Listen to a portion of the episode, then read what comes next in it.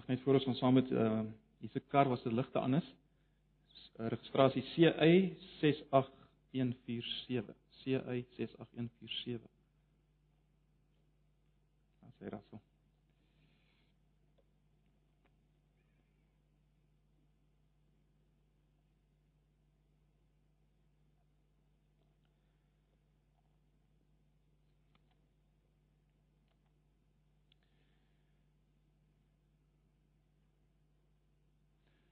Kom ons word net weer vir vir 'n oomblik stil voor die Here en vra dat hy nou sy woord sal gebruik om uh met ons te praat en ons te bemoedig en ons te versterk uh en ons uit te daag. Kom ons raak stil. Ja Here, ons kom nou weer na U toe nou dat ons U lof besing het.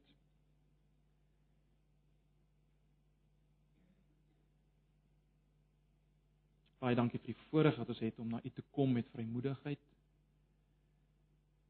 Jy is Here Jesus omdat U ons swakhede ken omdat u as verheerlikte mens in die hemel vir ons intree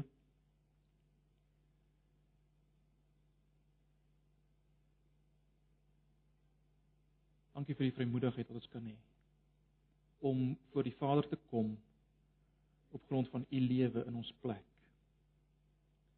Ons eer u daarvoor. En ag Here, nou wil ons in hierdie oggend vra dat U te midde van al die hartseer dat U met ons sal praat deur U woord en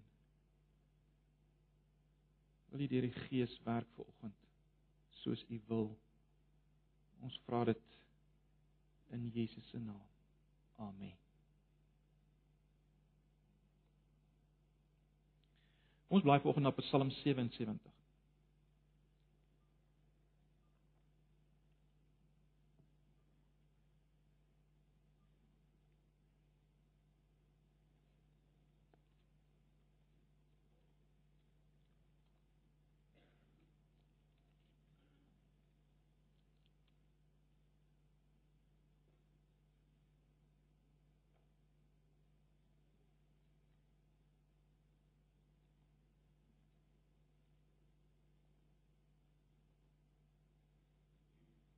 Psalm 77, ek gaan uh, die 83 vertaling lees.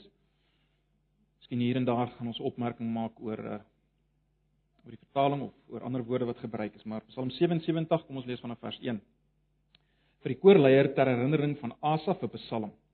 Ek roep na God om hulp, ek roep na God want hy sal my hoor. In my nood of as jy die 53 eh, vertaling het in my dag van benoudheid, soek ek hulp by die Here Ook in die nag bly my hande in gebed uitgestrek sonder om moeg te word. Maar ek vind geen troos nie. Ek dink aan God en ek sug.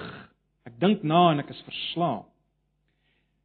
U laat my wakker lê ontstel en sprakeloos. Ek dink aan vroeër dae en jare lank gelede, as ek so in die nag lê en terugdink en pyns, vra ek my af, sal die Here vir altyd verstoot en nooit weer genade betoon nie? Het daar vir altyd 'n einde gekom aan sy trou of dan as jy die 53 vertalinge die goedertierenheid van die Here? Geld sy beloftes dan glad nie meer nie? Het God vergeet om medelee te hê, het hy in sy toorn sy ontferming onttrek? En ek sê my grootste smart is dat die Allerhoogste nie handel soos voorheen nie. Letterlik dat hy verander het. Ek wil dink aan die dade van die Here. Ja, ek wil dink aan u wonderdade van vroeër. Ek wil nadink oor al u werk en oor al u dade pyns. Alles wat u doen is heilig, o God. Waar is 'n God so groot soos God? U is die God wat wonderdade doen. U het u mag onder die volke geopenbaar. U het u volk deur die krag gered, die kinders van Jakob en Josef. Toe die waters u sien, o God, toe die waters u sien, het hulle gebewe, die diep waters het gesidder. Die wolke het water uitgegiet, uit die donderwolke het dit gedreun, u weerligte het in alle rigtings geblits. Die donderslaa het die lugruim gevul, weerligstrale het die wêreld verlig, die aarde het geskit en gebewe. U het deur die see gekom. U weg deur die magtige waters gebaan. Niemand het u spoor gesien nie. U het die volk soos 'n kudde gelei deur die hand van Moses en Aaron. Dis net so.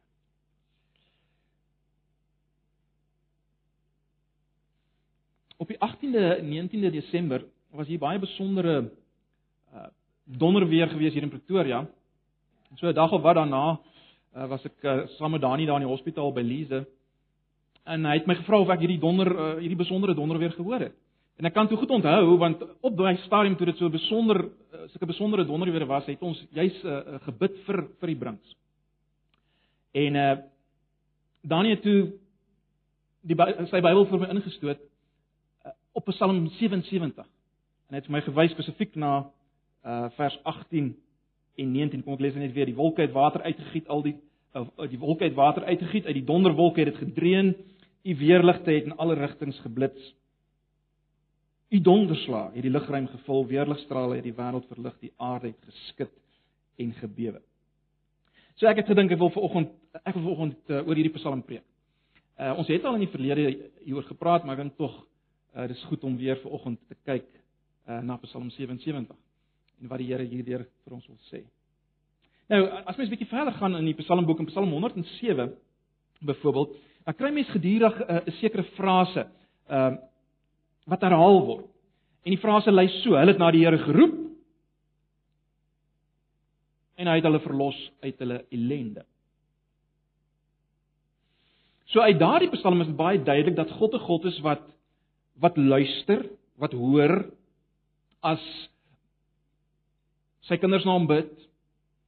Hy hoor en hy reageer of hy luister en hy reageer. Hy kan luister na al sy kinders wat gelyk na hom bid.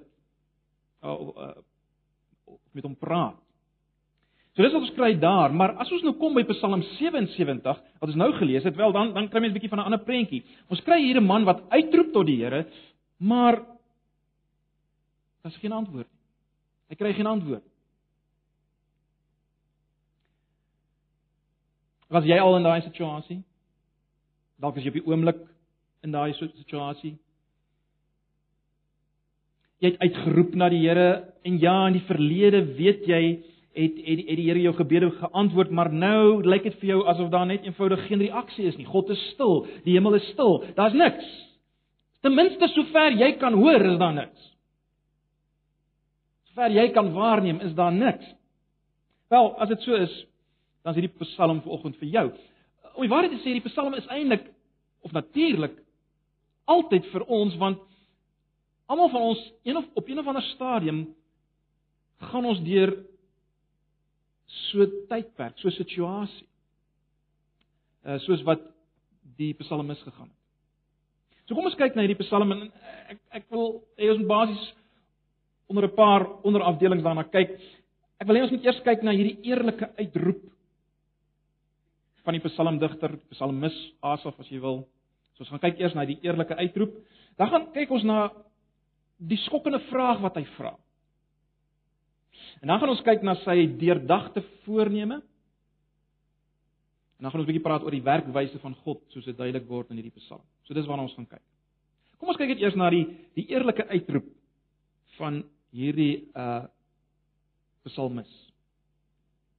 Wat ons kry in vers 1 tot Nou, ag broers en susters, uh die Bybel is 'n baie eerlike boek, né? Nee, die Bybel is 'n geweldige eerlike boek. Dit steek nie vir ons die moeilikhede weg, die tragedies weg, as jy wil, wat deel is van lewe in hierdie wêreld nie. Die, die Bybel steek dit nie weg nie. Die Bybel is baie eerlik daaroor en en dis wat ons hier kry in hierdie Psalm. Die hierdie Psalm stel ons voor aan 'n man wat in diep moeilikheid is. Ons ken nie die die oorsaak of die bron van sy moeilikheid nie. Hy praat net van in my nood of dan uh, die 53 vertaling die dag van my benoudheid. Verder weet ons nie veel nie. Maar dit is baie duidelik 'n persoonlike tyd van moeilikheid. Met ander woorde, dis nie maar net 'n iets wat gebeur het uh in die land of uh onder die volk nie, dis 'n persoonlike tyd van moeilikheid en hy soek die Here te midde van hierdie beproewing. En hy sê dat as hy na God roep en geen antwoord kry nie, dan dan weier sy siel letterlik om getroos te word. En dan word hy as te ware vasgevang in hierdie moeilikheid. Uh en dan druk hy sy geloof uit tot God en hy roep uit, maar sy siel weier om getroos te word. Hy hy vind geen troos nie. Die hele gedagte aan God bring vir hom geen troos. Hy's treurig as hy aan God dink, né? Nee, dis wat ons kry, sien hier in die Psalm. En ons kry 'n aanduiding oor hoekom hy treurig is as hy aan God dink, as mens kyk na vers 5 en 6. Julle sal sien in vers 5 en 6 sê die psalmis dat hy hy kan die vorige tye onthou uh toe hy liedere in die nag gesing het.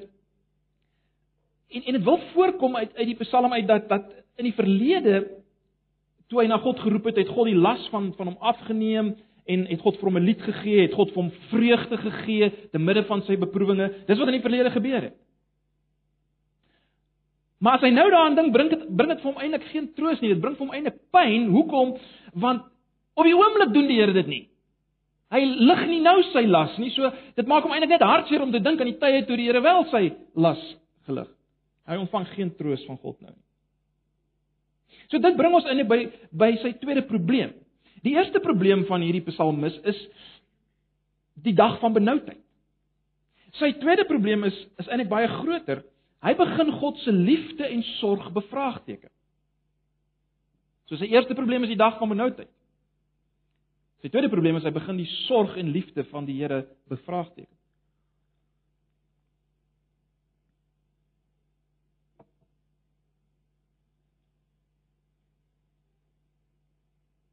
Juis omdat hy nou geen bewustheid van God se teenwoordigheid, geen rustigheid in sy gees het. En dit lei dan tot vrae wat hierdie psalmdigter of psalmis vra, né, nee, in vers 7 tot 11. In vers 7 tot 11 vra hy dan sekere vrae in die lig van hierdie hierdie probleem van hom, hierdie tweede probleem van hom. Dit is baie logiese vrae. Dis baie logiese vraag. Gegee sy omstandighede, is dit baie logiese vraag, né? Nee.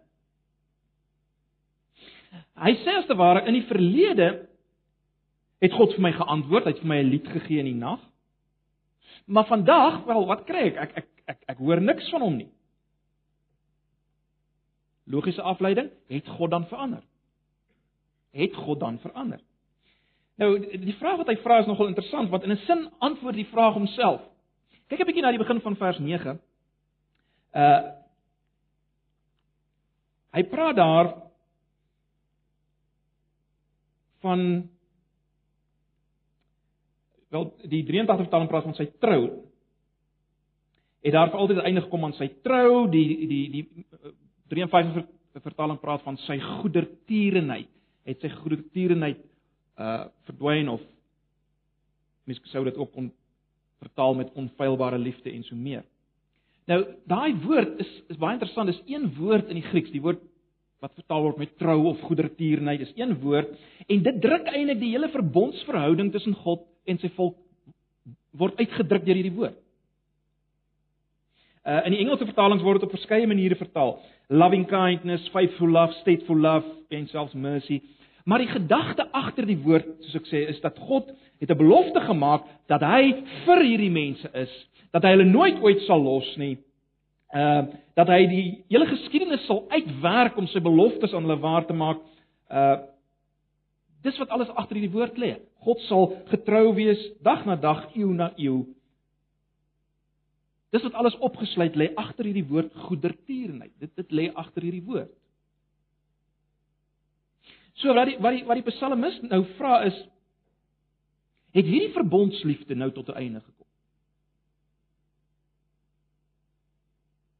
Met ander woorde, het die onfeilbare liefde geval? Dis wat hy vra. Is God se woord nie langer geldig nie? Het sy genade geëindig?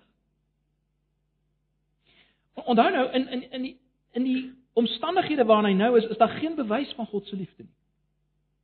In die omstandighede waar hy nou is, is daar geen bewys vir God se liefde nie. So hy word gekonfronteer met 'n keuse, nie waar nie? Hy het God in die verlede geglo toe God hom geantwoord het. Nou moet hy homself afvra, glo ek God wanneer ek nie 'n antwoord kry nie? Dit dis dis die keuse waar waarvoor hy staan. In die verlede het hy geglo toe God hom geantwoord het. Vraag is, moet ek nou nog glo in hom terwyl ek geen antwoord kry nie? Dis die keuse. Of anders gestel in die verlede het ek God geglo as gevolg van sy seëninge. Glo ek God nou nog of hy my seën en of hy my nie seën nie? Glo ek God nou nog of hy my seën of nie seën nie? Dis die keuse.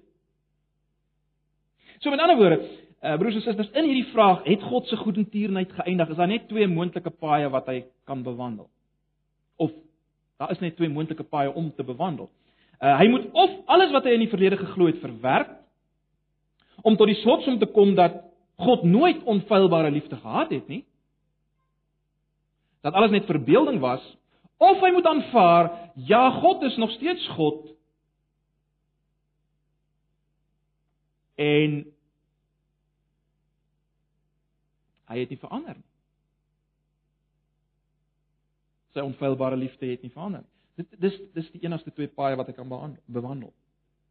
So wat ons hier kry is dat die Psalmdigter kom as te ware tot op die rand van ondersoek. Hy ondersoek as te ware die implikasies van van 'n ja antwoord op die mislukking van God om dit so te stel. Hy, hy ondersoek die implikasies daarvan. En dan kom hy in vers 12 en 13 tot 'n baie interessante voorneme. So kom ons kyk na vers 12 en 13.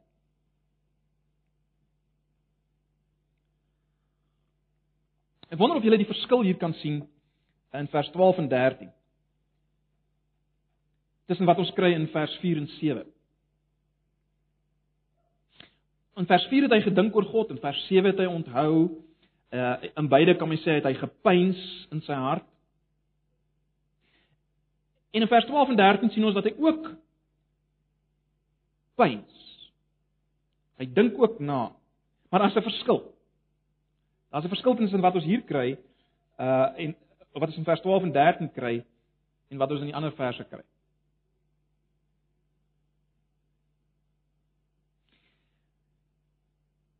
Nou die die die, die woordjie pyns in in die vertaal in ons vertalings uh word nou nie altyd konsekwent vertaal nie, maar ehm uh, die Hebreëse woord vir pyns word in in vers 4 en vers 7 en vers 13 gebruik. Die woordjie wat ons die beste sou kon vertaal met pyns. Wat is die verskil? As jy mooi kyk, sal jy sien in vers 4 en vers 7 pyns die psalmdigter met geen kan mens amper sê voorwerp waaroor hy pyns. Daar word geen voorwerp in die vers aangegee nie. In ander woorde, hy sug en hy wanhoop maar net in sy omstandighede om dit so te stel, hy rol rond. Nee, hy rol rond in sy in sy pyns. In sy nadink, hy rol net rond. Hy rol rond as jy wil in sy pyn en in sy ellende.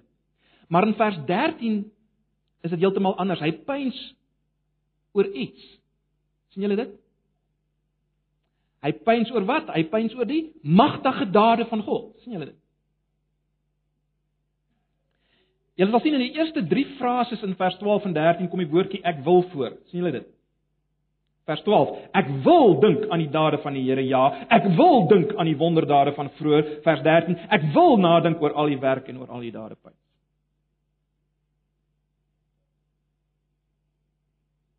So wat ons hier sien is dat hy beweeg vanaf 'n posisie as as jy as jy dit so wil stel, hy, hy beweeg vanaf 'n posisie waar sy emosies hom beheer het en waar hy as te ware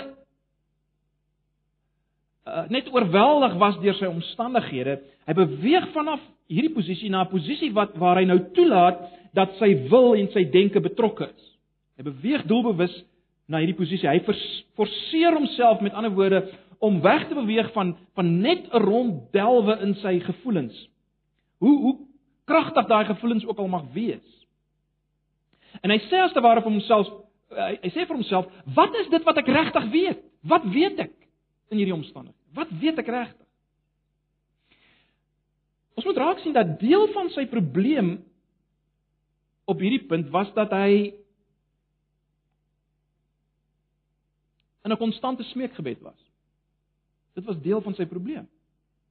Wat bedoel ek daarmee? Dit was deel van sy probleem want hy het nie begin om homself te herinner aan wie God is nie. Hy het hom nie herinner aan God se magtige dade nie. So in 'n sekere sin was sy uh konstante smeekgebed deel van sy probleem. En broers en susters, ons moet dit leer uh, uh, in ons gebedslewe ook. Ons moet begin as ons bid met 'n herinnering van onsself aan die getrouheid van God. Ons moet daarmee begin. Ons moet dink aan die mag van God, die dade van God. Ons moet begin met lof aan God. Nee, ag, ons het al daaroor gepraat. Ons moenie net begin met 'n smeekgroep nie. Want jy sien 'n smeekgroep kan 'n dooie end wees indien dit nie gebaseer is op die vaste geloof in wie God is nie. As dit nie gebaseer is op 'n vaste vertroue in die karakter van God nie, dan is dit 'n doodloopstraat.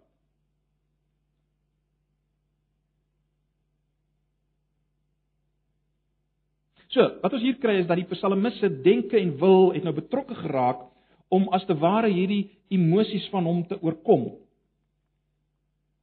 C.S. Lewis het op 'n stadium 'n stelling gemaak. Hy het gesê waarheid is nie afhanklik van wat jy vir aandete gehad het. Wat hy daarmee bedoel is dit: wat ons vir aandete gehad het, kan ons gevoelens en emosies beïnvloed. Jy sal weet, dit affekteer ons. Uh en en en en hierdie gevoelens en emosies kan weer 'n impak hê op wat ons op 'n sekere punt geneig is om te glo. Né? Nee. Maar waarheid hang nie af van wat ons vir aandete gehad het. Waarheid hang nie af van ons gevoelens en emosies nie. Waarheid bly waarheid. So wat die psalmis hier doen is om homself te herinner aan die groot waarhede in die geskiedenis wat gewys het wie God is en wie God is vir sy mense. So hy neem hom voor in vers 12 en 13 om om te reflekteer op God se magtige dade. En dit bring ons nou by die volgende gedeelte. Die laaste onderafdeling. Kom ons kyk 'n bietjie na na wat hy raak sien oor oor God en God se werkswyse. Kyk net eers na vers 14 en uh, tot 16. Kyk net eers na vers 14 tot 16. Hier word vier karaktereienskappe van God uitgelig. Kom ons lees dit weer en kyk wie dit raak sien. Alles wat u doen is heilig, o God. Waar is 'n God so groot soos God? Vers 15. U is die God wat wonderdade doen. U het u mag onder die volke geopenbaar. In vers 15. U het die volk deur u krag gered die kinders van Jakob en Josef.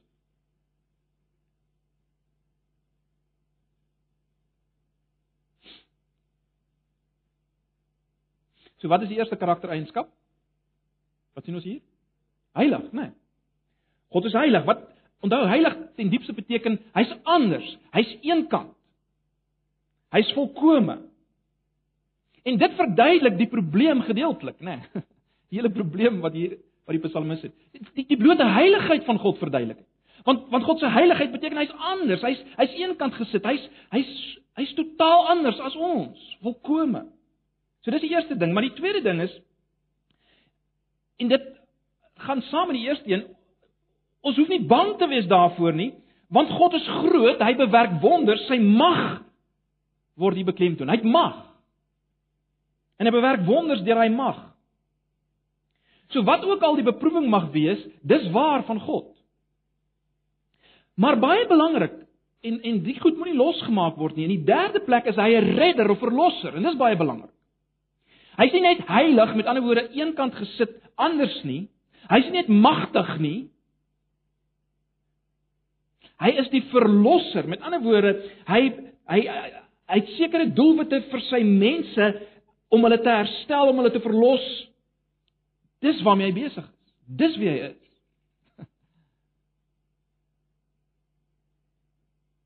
Dis waarvoor hy sy mag gebruik. So hy's nie maar net so in die algemeen heilig en so in die algemeen mag. Hy's dit vir die doel van verlossing van sy mense, as ek dit so kan stel.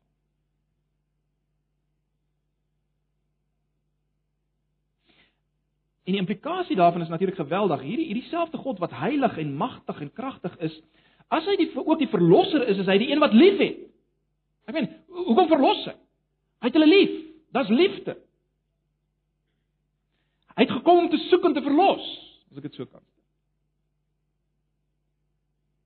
En natuurlik openbaar God homself in wat hy doen, né? Sy sy dade openbaar sy wese. So, Psalmis herinner hom aan hierdie karaktereienskappe van God, wie God is, en dan kom hy en herinner homself aan 'n spesifieke gebeurtenis in die geskiedenis. 'n Gebeurtenis wat in 'n sekere sin dieselfde is as waardeur hy gaan. As mens dit nou gaan gaan ontleed. So hy het nou in die algemeen nagedink oor God en nou gaan hy na 'n spesifieke hy fokus nou op 'n spesifieke handeling van God wat hom sal herinner aan aan God se getrouheid soos dit sigbaar geword het in die geskiedenis. En waarna hy dink, waarna hy spesifiek dink, is God se verlossing aan is uh, God se verlossing van Israel deur die Rooi See, né? Nee, baie duidelik dat hy daaraan dink.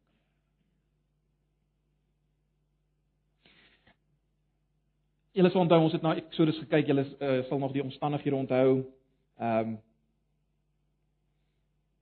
baie ooreengestem met wat ons hier sien, nê. Nee, onthou nou wat het ons hier gesien in die Psalm? Die Psalmis roep uit na God.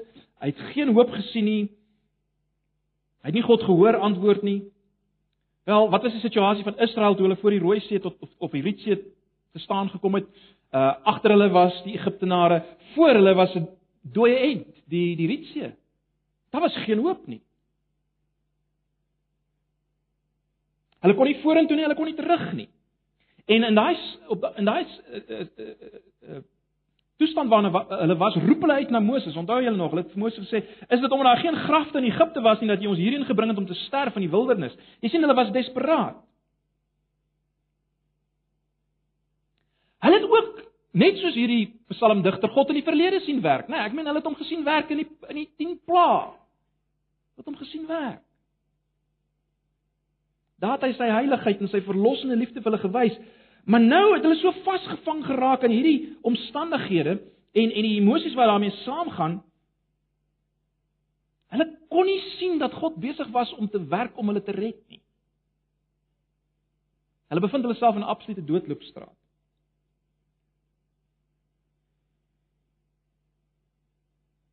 Dit is interessant as ons nou teruggaan na Eksodus 14 toe dan sien jy dat dat uh, Moses eintlik in dieselfde posisie was want God sê vir hom ek dink in vers 15 wat roep jy so na my Moses was as, as te ware in dieselfde posisie as hierdie psalmdigter. Maar kom ons kyk nou hoe beskryf die psalmdigter daardie situasie poëties op 'n digterlike manier? Dis ons kry in vers 17 uh, tot 21 Toe die waters u sien hoe God, toe die waters u sien het hulle gebewe, die diep waters het gesidder. Die wolke het water uitgegiet en die donderwolke het dit gedreun, u weerligte het in alle rigtings geblits, u donderslae die lugruim gevul, weerligstrale het die wêreld verlig, die aarde het geskit en gebewe. U het deur die see gekom, u weg deur die magtige waters gebaan, niemand het u spoor gesien nie.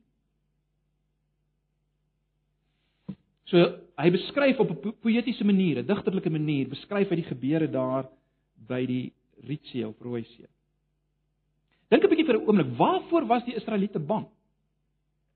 Wel, hulle was bang vir die Egiptenare, verseker, maar hulle was ook bang vir die see. Moenie 'n fout maak nie, hulle was geweldig bang vir die see. Uh hulle kon nie in die see inloop nie, dit sou vir hulle dood beteken. Uh ons moet ook onthou die denkwyse van daai tyd, uh die see was was deel gewees van die oergaos magte wat geheers het voor God geskep het, nê. Nee. Dit was 'n absolute toestand van van dood en ellende die see vir daai mense. Hulle nie soos ons oor die see gedink. Dit was vir hulle bedreigend, absoluut bedreigend. Maar nou is dit fascinerend, kyk na vers 16. Ek dink dit is vers 16. Nee, uh ekskuus vers 17. Uh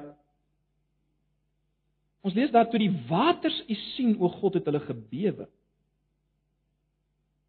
Toe die waters u sien het hulle gebewe. So wat wat die skrywer doen is hy om 'n groot woord te gebruik, hy antropomorfiseer die water. Nee, hy gee vir die water menslike eienskappe om 'n belangrike punt te maak. En wat is die belangrike punt wat hy wil maak? Die punt wat hy wil maak is dit: die einste ding wat hulle gevrees het, waarvoor hulle bang was, daai ding was bang vir God. Dis dis die punt wat hy wil maak einste ding wat hulle gevrees het, het God gevrees. En dis wat ons ook moet verstaan, broers en susters, enige iets in hierdie wêreld wat vrees by ons veroorsaak. Om dit so te stel, vrees eintlik vir God.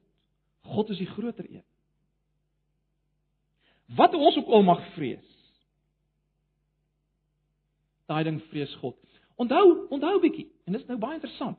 God skep juis uit chaos. Hoe het God geskep in Genesis? God skep uit die waters wat hulle nou so gevrees het. God het uit daai selfde ding wat hulle nou vrees, God het aan die begin daai geskep. Hy skep uit hierdie chaosmagte. In die Nuwe Testament word natuurlik baie dramaties voorgestel in die lewe van Jesus. Onthou, Jesus is God wat mens geword het. En wat sien ons daar? Wel, ons sien die demone vrees Jesus. Hy bestraf hulle en hulle vlug. Dit is 'n baie interessante eh, geval in in in Lukas 13 vers 10 tot 17. Hierdie lam vrou uh, uh, en Jesus gaan so ver om te sê uh, sy was vir 18 jaar as te ware deur die Satan gebind.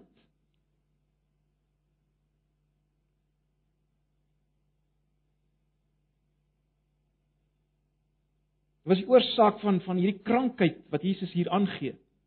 En dan genees Jesus haar en hy hy hy breek die mag en die heerskappy van Satan. Mens kan amper sê in daai konteks die krankheid het Jesus gevrees en gevlug uit hierdie vrou uit. In Lukas 13. Hierdie krankheid, hierdie ding wat wat vir 18 jaar haar lewe beïnvloed het, vlug, as ek dit so kan stel vir Jesus, God. Goed, kom ons gaan terug na die Psalm. As ons sien, hier word gepraat oor die weerligte en die donder as dis u weerligte. Dis u. Dit behoort self dit behoort aan God, nê, nee, die die weerlig, die donder behoort aan God. En dan word God is in beheer van al hierdie magte wat vrees inboesem. Dis syne. Hy's in beheer daarvan. Hy staan bo dit. Maar dan die mees fascinerendste is kyk na vers 20. Vers 20 sê: "U het deur die see gekom." Onthou nou, hulle kon nie vooruit sien. Let wel, God het nie die see weggevat nie, die see was daar. En hulle kon nie as ware nie deursien deur hierdie see nie. Al wat hulle gesien het was 'n hindernis, 'n versperring. 'n uh, 'n aanduiding dat God nie daar was nie. Maar jy sien God se pad met hulle was dwars deur hierdie see. Dit was God se pad. U het u weg deur die magtige waters gebaan. Niemand het u spoor gesien nie. Niemand het u spoor gesien nie, sê vers 20. En dan hoor hulle kon nie sien dis God se weg nie. Dit het nie gelyk soos God se pad nie. Hulle het God se spoor by wyse van spreek nie gesien nie, nê. En dan word God het gewerk in omstandighede wat vir hulle pyn en smart veroorsaak het. In daardie omstandighede het God gewerk. Maar hulle kon, hulle kon nie God se spoor daarin sien nie. Hulle kon nie dit sien nie. Maar tog was God op pad met hulle, né? Nee, God was op pad met hulle reg deur die middel van hierdie probleem, hierdie versperring tot 'n geweldige oorwinning sê dit weer. God was op pad met hulle reg deur hierdie absolute versperring, hierdie toestand van wanhoop, was God op pad met hulle na oorwinning. Maar hulle kon dit nie sien. En broers en susters, dis God se werkwyse. Maar kom ons bring dit 'n bietjie nader aan ons as Nuwe Testamentiese mense. Ons praat vir 'n oomblik oor onsself. Ons moet vanoggend weet, broers en susters, hierdie hierdie emosies, hierdie gevoelens dat God ons verwerp het, dat hy nie antwoord nie. Dit sal kom. As dit nog nie gekom het nie, gaan dit kom by jou. Dit sal kom. In 'n ander stadium. Waarskynlik op meer as een punt in jou lewe.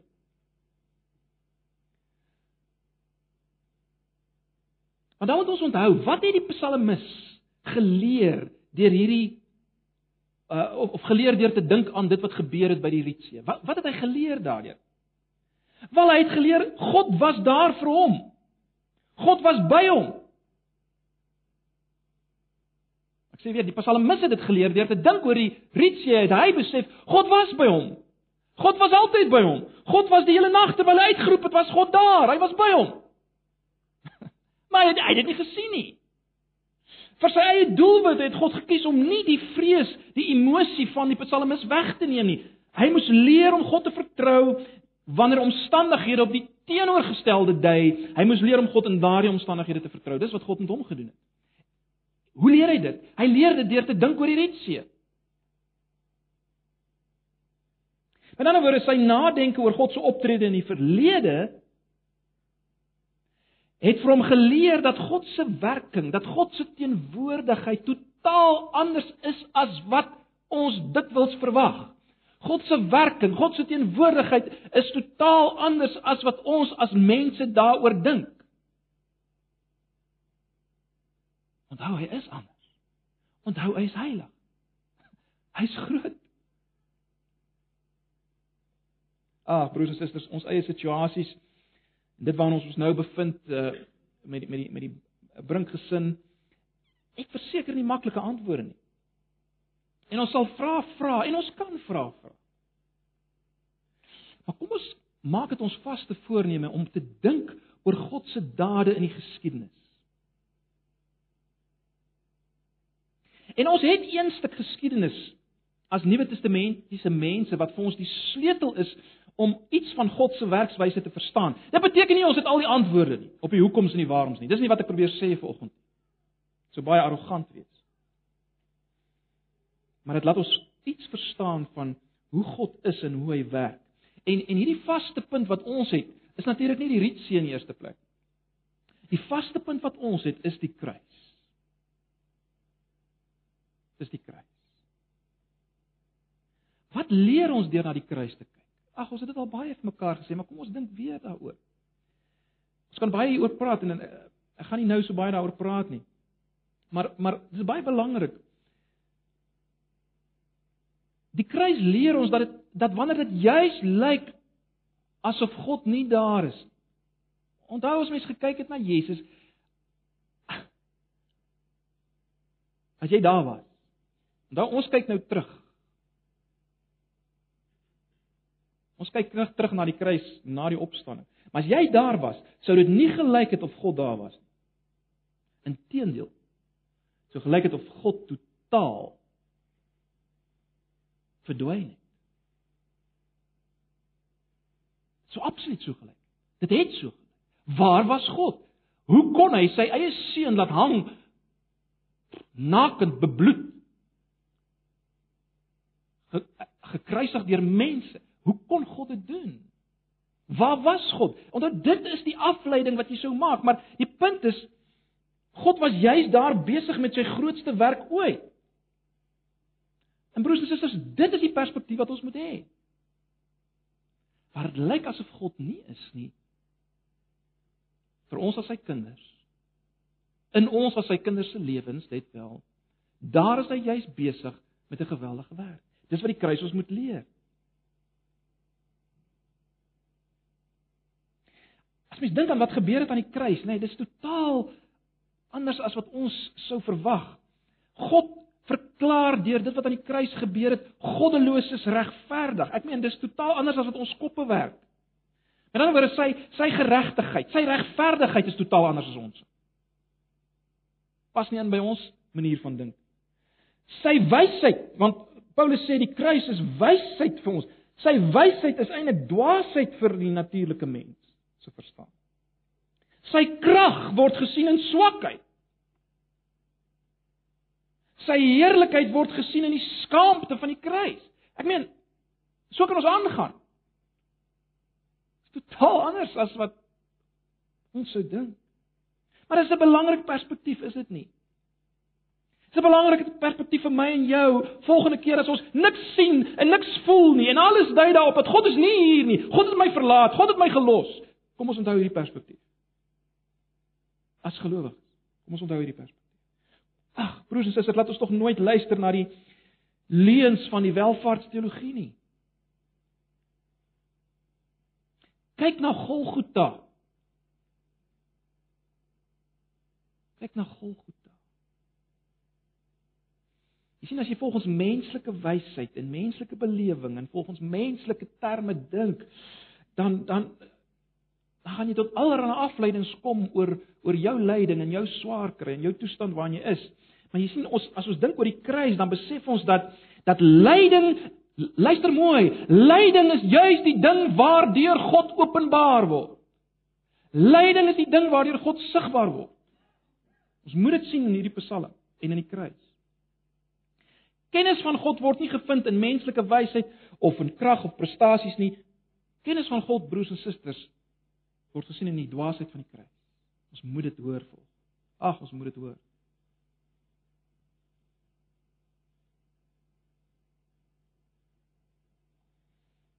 Ons ken God om dit so te stel. Ons ken die verborgde God deur die boodskap van die kruis. Ek sê dit weer, krag en swakheid. Heerlikheid en skaamte. Wysheid en dwaasheid. As ons oor God dink en sy werking, kom ons onthou dit. Kom ons herinner ons daaraan. Ek wil afsluit met die gedig wat William Cowper geskryf het En dit is baie duidelik dat hy terloops oor dieselfde Psalm nagedink het toe hy dit geskryf het. God moves in in a mysterious way. God moves in a mysterious way his wonders to perform. He plants his footsteps in the sea. Jy kan sien waar kry hy dit. He plants his footsteps in the sea and rides upon the storm. Deep in unfathomable minds of never failing skill He treasures up his bright designs and works his sovereign will. Ye fearful saints, fresh courage take. The clouds ye so much dread are big with mercy and shall break in blessing on your head. Judge not the Lord by feeble sense, but trust him for his grace. Behind the frowning providence He hides a smiling face. His purposes will ripen fast, unfolding every hour. The bud may have a bitter taste, but sweet will be the flower. Blind unbelief is sure to err and scan his work in vain. God is his own interpreter, and he will make it plain. Kom ons bid saam.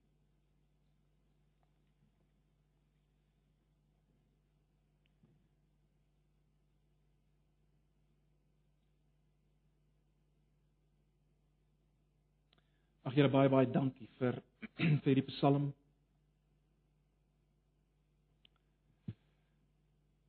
Vir dit dat ons hier kan leer oor U en U werk maar meer nog dankie vir die kruis.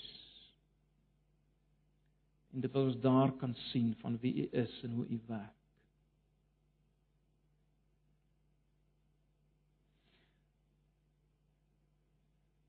En ag Here, ons wil nou vra dat U ook nou as ons die tekens van die nagmaal gaan gebruik dat U ons oë sal oopmaak vir die uh, vir die kruis en die werking aan die kruis u werking vir ons aan die kruis.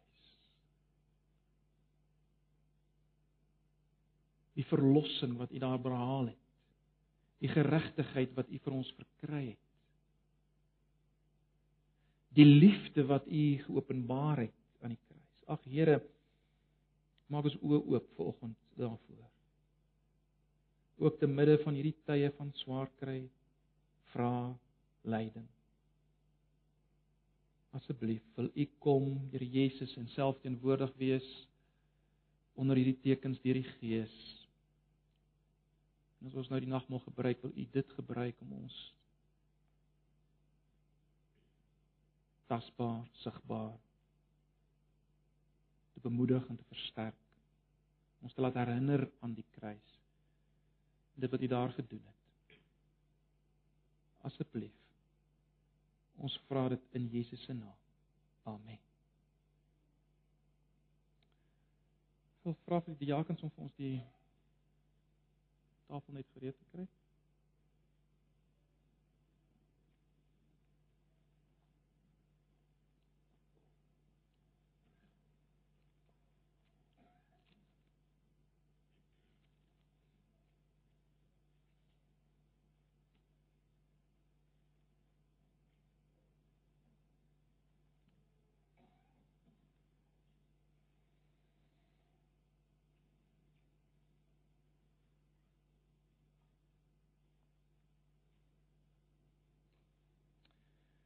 Broers en susters, as ons nou die nagmaal gebruik, dan dink ons aan die nag toe die Here Jesus beker geneem het en daaruit geskink het en gesê het dis my bloed, die bloed van die nuwe verbond, daardie verbondsverhouding uh, waarvan ons net nou gepraat het wat lei tot sy goedertierenheid, sy absolute trou vir ons.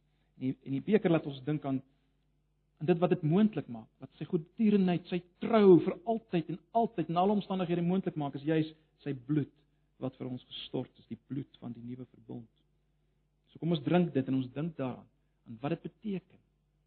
Uh en so seker as ons dit drink, so seker is sy trou, sy verbondstrou, sy goedertierenheid te midde van situasies waar ons niks sien nie. Ag en die brood wat ons breek is gemeenskap met die liggaam van Christus. So kom ons kom ons eer dit en ons dink daaraan ons is sy liggaam en ag ons het nou daaroor gepraat broers en susters wat 'n wonder om deel te wees van sy liggaam. Sy liggaam wat ook in hierdie situasie nou uh, met Daniël so wonderlik na vore gekom het. Sy liggaam en as ons die brood eet besef ons is deel van die liggaam sy liggaam. Ons is sy hande, ons is sy voete. My broer en my suster is deel van hierdie liggaam en ek is deel van hierdie liggaam. So kom ons dink daaraan as ons dit gebruik en ons ons verheug ons daarin en word versterk daardeur. Dis 'n geweldige realiteit. Die eenheid met Jesus as sy liggaam. Kom ons gebruik dit. Ek nooi julle uit.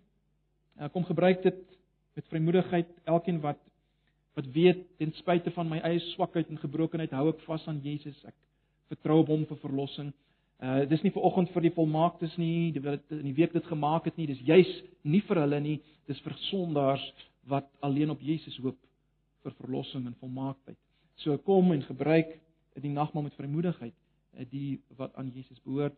Uh as jy nie vir oggend dit wil gebruik nie, uh jy kan bly sit, niemand gaan snaaks dink nie.